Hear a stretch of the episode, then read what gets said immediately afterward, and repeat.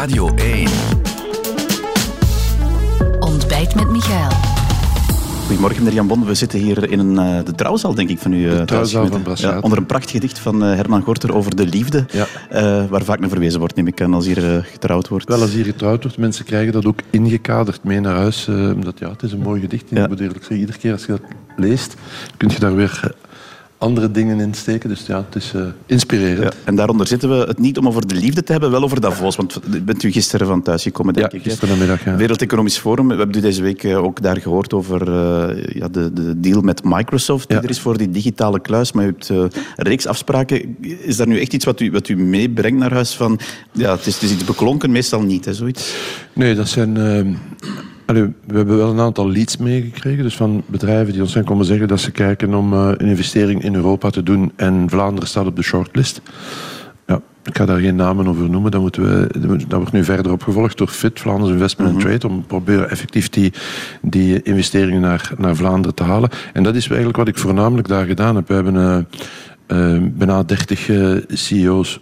En dat is echt, als BASF in uh, Antwerpen aanwezig is, dan is de CEO, CEO sorry, wereldwijd die, die, je, die je dan te zien krijgt. Dus dat is echt uh, razend interessant om te weten wat de plannen met Antwerpen zijn, maar ook die mensen hun kijk op, uh, ja, op Europa en op, en op de wereld, hoe dat evolueert. Dus we hebben een, een kleine dertigtal van die mensen gezien en ook een paar, um, hoe zal ik zeggen, diners en lunchen gehad, waar een hele reeks CEO's mm -hmm. rond de tafel zaten. Ik ben eigenlijk zelden in het World Economic Forum gebeuren als Ja. dusdanig betrokken. Maar het we gebruiken, gebruiken ja, ehm, die, die bijeenkomst van zoveel CEO's, van ook, eh, om, om daar op een paar dagen tijd enorm veel van die mensen te Ja, zien. u is daar in uh, Flanders Room, daar ergens... Ja, we hebben, in, in dus het hotel waar ja. we zitten hebben we de, de skishop. Ja, want die zit daar midden in een skigebied. De skishop omgebouwd tot een Ja. eh, ontvangstruimte. Nee, ik vraag het, omdat het, ik was er zelf deze week ook, het Ja. viel me op, de premier is daar uiteraard ook, eh, zoekt daar ook het, krijgt daar ook de internationale schijnwerpers. U u zoekt die niet zo op, hè? heb ik de indruk? Nee, we zoeken die niet op. Uh, ik zeg, het is de meest efficiënte manier om, uh,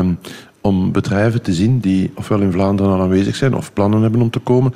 Um, en zoals gezegd, als we deze, deze mensen niet in Davos moesten treffen, maar moesten reizen naar, hun, uh, naar waar, waar hun hoofdkantoor is, bij wijze van spreken, dan zouden we duizenden kilometers uh, vlieg, moeten, Ja. moeten vliegen. En hier op drie dagen tijd kan je dat allemaal zien. Ik denk dat dat, um, ja, dat, dat de meest efficiënte manier is om, om die mensen te benaderen. Ja, het geeft natuurlijk ook een, een idee van de temperatuur van de wereldeconomie. Echt goed zit die niet, had ik de indruk. Hè? Ja, het is een beetje, um, als je in, het al, in algemene termen krijgt, kijkt, dan is eigenlijk consensus dat, er, dat we een lichte, misschien een heel lichte recessie gaan hebben, maar dat die zware donker, donderwolken die er uh, vroeger toch bleken te zijn, dat dat uh, heel wat minder is. Omdat de energiebevoorrading voor deze winter alleszins uh, ja, goed zit. Ja. Voor volgende winter is nog, nog, nog iets anders.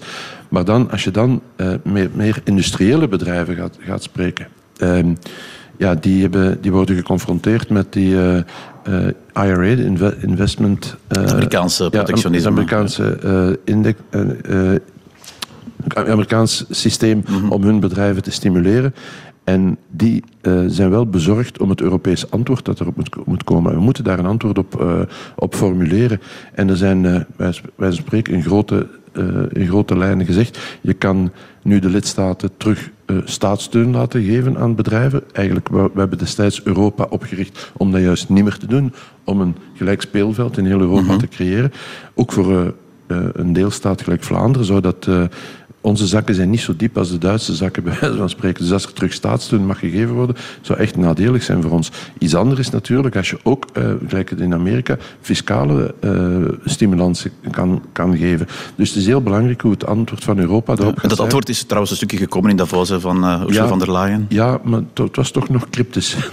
je kon daar weer uh, heel veel in lezen, dus ik kijk, echt, uh, okay. ik kijk echt met heel veel belangstelling uit naar de, naar de concrete voorstellen.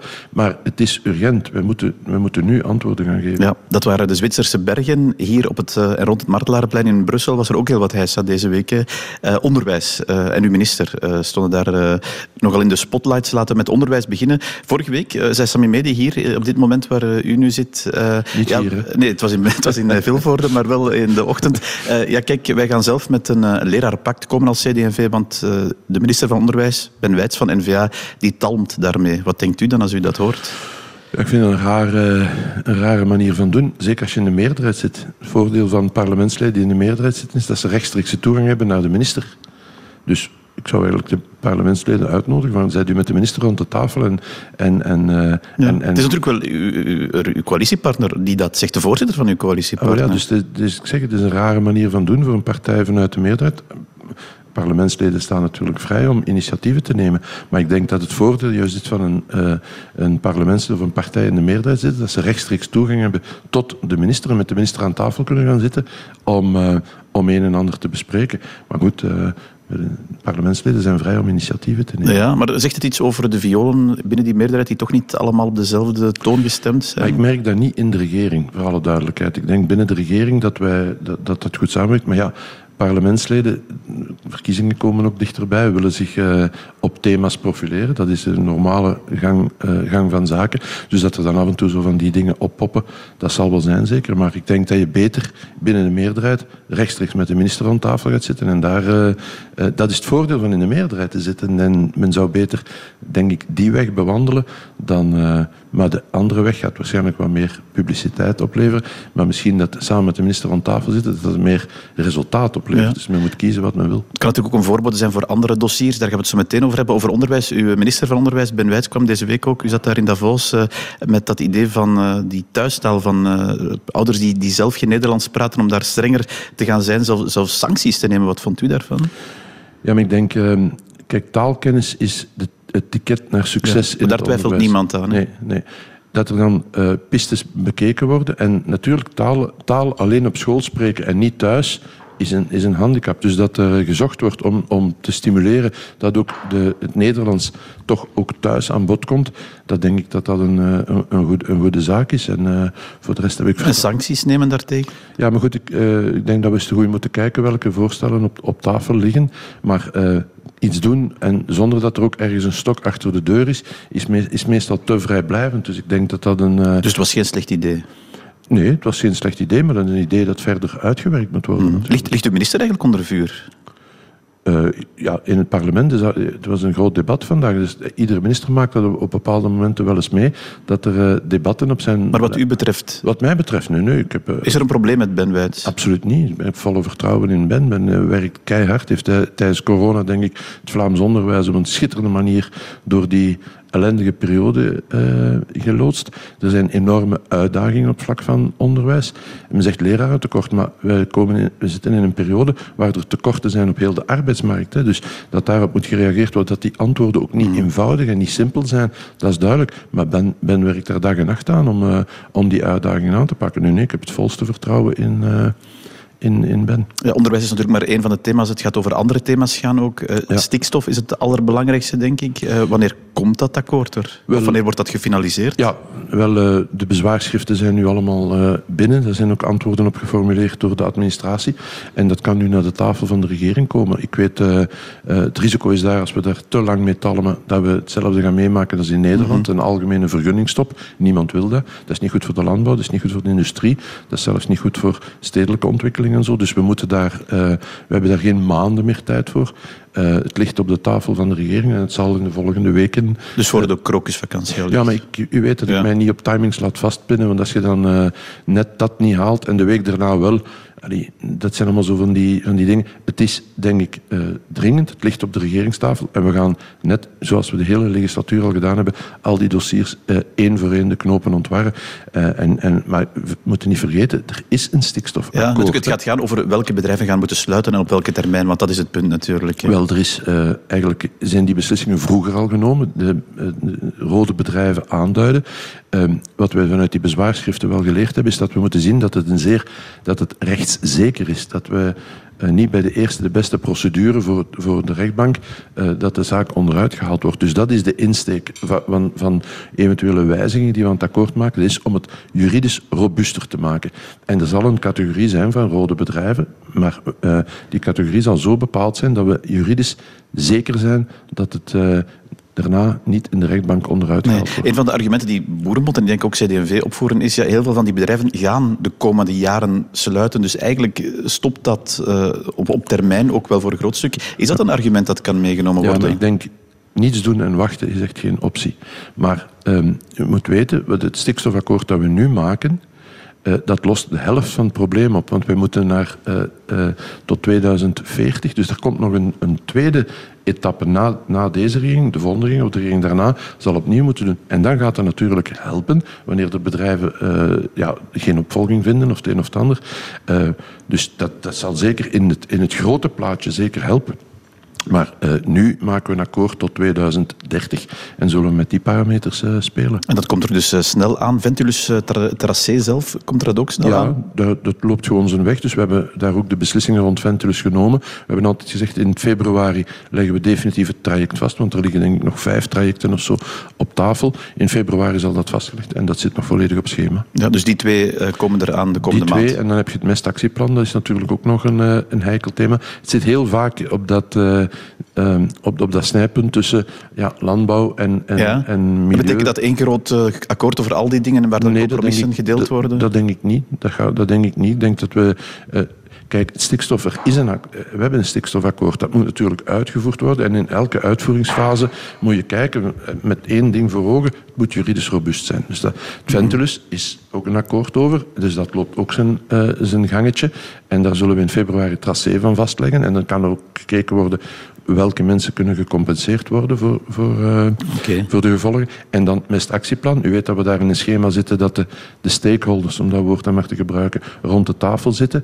En liefst, dat zou voor ons natuurlijk het wenselijke scenario zijn, komt men daar tot een vergelijk en dan zullen wij dat politiek omzetten. Dus voor mij zijn het drie verschillende okay. tracés. Maar wel belangrijke beslissingen. Als die knopen genomen zijn, dan rest er nog een jaar, of eigenlijk minder dan een jaar als het echt over het beleid gaat. Wat wil u dan nog doen met die Vlaamse regering? Ja, eigenlijk van ons regeerakkoord hebben we het grootste gedeelte uh, uitgevoerd. Dus uh, die dingen die we nu op tafel leggen zijn heel... Kinderopvang en zo natuurlijk, zou ja, zeggen. Maar, ja, maar goed, maar kinderopvang bijvoorbeeld, daar zijn de beslissingen budgetair ook genomen. Uh, dus die moeten nu uitgevoerd worden. En uh, de, de, de, minister Krivits werkt daar uh, ook keihard aan. Maar budgetair hebben we daar de, de, de beslissing -hmm. genomen en moet dat uitgevoerd worden. Er zijn nog een aantal dingen, denk ik, die tot de verbeelding spreken. De kanon zal er binnenkort aankomen. Ik had begrepen in, in mei. Mm -hmm. Volgens mij gaat dat ook weer heel wat debat... Zou het? De, hoe zegt u? Zou het? Dat laat zich voorspellen, laat het mij, laat het mij zo zeggen. Um, wij zijn ook nog uh, aan het werken aan het uh, virtueel museum van de Vlaamse geschiedenis en cultuur. Ik denk dat dat ook een, uh, echt een heel mooie realisatie gaat zijn. Dus er zijn nog wel een aantal okay. dingen in de bewuste pijplijn. Maar het is natuurlijk wel, het, is zo, het zijn de laatste, enfin, dat zijn nog niet de allerlaatste loodjes, maar die zijn wel in zicht. Dan is er in 2024 zijn er verkiezingen. En meneer Jan Bon, dan zie ik overal staan speculatie over uw opvolging. Ja, mooi hè? Ik weet het niet, want u hebt eigenlijk nog nooit gezegd dat u stopt. Ja, nee, ik heb altijd gezegd, en dat heb ik heel mijn politieke loopbaan al gedaan. Ik uh, ben in de politiek gekomen om het programma van NVA zo ver mogelijk te realiseren. Een schitterend uh, partijprogramma. En ik ben een ploegspeler en ik sta ter beschikking om uh, dat te doen wat de coach denkt dat het, dat het beste is. Dus ik, ik ben geen carrièrepolitieker. Ik ben in 24 zal ik 64 jaar zijn. Dat is geen leeftijd om met politiek nee. wat mij betreft te stoppen. Maar, bon, nee, maar om de olifant in de Kamer te benoemen, u bent eigenlijk geen kandidaat minister-president meer in principe. Maar ik ben nooit kandidaat minister-president geweest. Of nooit nee, maar u bent het nu wel natuurlijk. Nooit, en, ja. no en, nooit kandidaat vicepremier federaal geweest. Op een bepaald moment de kiezer legt de kaarten. We gaan rond tafel zitten en we stellen onze ploeg zo goed ja. mogelijk op. Enfin, u bent geen kandidaat geweest. Ik herinner een persconferentie waar u wel degelijk door uh, uw partijvoorzitter uh, een beetje ja. onverwacht misschien als uh, kandidaat ja, premier was het toen maar ik wil zeggen, ik heb intern in de partij nooit eisen op tafel gelegd om te zeggen ik moet dit en ik moet dat. Ik sta ter beschikking om dat schitterend programma van de NVA te verwezenlijken. En we zullen zien... Maar u bent nu heel veel bochten aan het nemen. Nee, ik ben geen bochten nee, maar, bent Het komt er eigenlijk op neer, als ik u vraag, bent u zelf nog kandidaat om, om een tweede termijn als minister-president te vervullen. Wat zegt u dan? Maar ik zeg het, ik, ik, herhaal, ik ben nooit voor iets in die zin kandidaat geweest. Het, en ik, ik ben geen carrièrepolitieker op, op dat vlak. Dus ik sta ter beschikking van de partij om dat te doen wat, waar, waar wij samen van denken dat het beste is. Ik ben geen kandidaat om minister-president te zijn. Uh, ik ben ook niet, niet, niet kandidaat. We zullen, we zullen wel zien hoe, dat, hoe dat de kiezer de kaarten legt. En hoe dat we, de, we hebben veel talenten in, in de NVA. Veel mensen die deze job zouden kunnen doen. Een job die... Uh, Want er worden veel namen genoemd. Er wordt zowel Demir genoemd. Ik, ik zag uw voorzitter, zelfs Matthias Diependalen ook noemen. Ben Wijts uh, wordt ook nog af en toe genoemd. Je ziet hoeveel talent dat we in de partij ja, hebben. Maar dat, dat, moet toch, dat moet toch als, als huidig minister-president wel iets hebben van... Ja, maar en ik dan? Want nee. u wordt daar nooit aan genoemd. Nee, maar ik, uh, dat, allee, dat is toch logisch dat men kijkt van wie zijn, wie zijn nu de, het, het, aankomend talent in een partij uh, die toch op, de hoogste, op het hoogste niveau verantwoordelijkheid, verantwoordelijkheden maar u, u, kan er ook, u kan er, begrijp ik, ook mee leven dat u inderdaad opgevolgd wordt door een partijgenoot. Maar natuurlijk. En, het, ik, vooral en dat het stopt voor u in de vooral hoop ik, Vooral hoop ik dat het een partijgenoot is. ja. Dat is het, denk maar ik, ik, het nee, dat bedoel ik, ik kan er eigenlijk mee leven dat het stopt voor u in 2024 in de Vlaamse regering. Maar ja, in, in hoeveel termen moet ik dan nog zeggen? Ik ben kandidaat voor niets en bereid tot alle mogelijke dingen te doen om uh, het programma van NVA te verwezenlijken. Dus ik heb geen, uh, hoe zou ik zeggen, geen desiderata op tafel. Mm -hmm. Ik stel mij ter beschikking. Oké, okay, maar dat is wel heel duidelijk. Zien we u op een lijst in 2024? Ja, dat denk ik wel. Hè. Dat is... Uh, Allee, dat, dat, neem ik aan. We hebben er nog niet over gepraat intern in de partij. Kijk, we zijn Vlaanderen aan het besturen. Jullie vragen ons altijd. Uh, dus vragen... ik hoor uw eigen voorstel in, in, in media al kandidaat-opvolgers. Het zijn niet alleen wij. Omdat hij daar die vragen voor ja. krijgt altijd. Wij, Echt, we zijn nog niet bezig ja. met lijstvorming en toestanden. Ik ben bezig met Vlaanderen te besturen. Okay. De verkiezing is nog anderhalf jaar. Oké, okay, maar ik begrijp dat u uh, mee kan leven als het dan in de Vlaamse regering stopt. Maar we zitten hier en ik ga er terug mee eindigen waar we begonnen in de trouwzaal van uw gemeente Braschaat. U bent hier nog altijd titelvoerend burgemeester. Titelvoerend burgemeester. Uh, gaat u hier terugkeren in 2024 als het aan u ligt? Ja, Braschaat is een schitterende gemeente en het is echt een grote eer als je, die, als je hier burgemeester mag zijn. Dus ik denk dat, uh, dat we weer gaan. bij de verkiezingen zal ik de lijst normaal gezien wel trekken hier in Braschaat. En bent u kandidaat burgemeester? Ah ja, als je de lijst trekt en je hebt de ambitie om de grootste partij te zijn, dan, uh, dan ben je kandidaat burgemeester. En kan u naar dit schitterend gedicht van Herman Gorter verwijzen? Mensen die het willen zien, moeten dan maar eens komen kijken. Meneer Jan Bon, uh, dankjewel voor uh, dit gesprek hier in de Trouwzaal in Braschaat. Heel graag gedaan.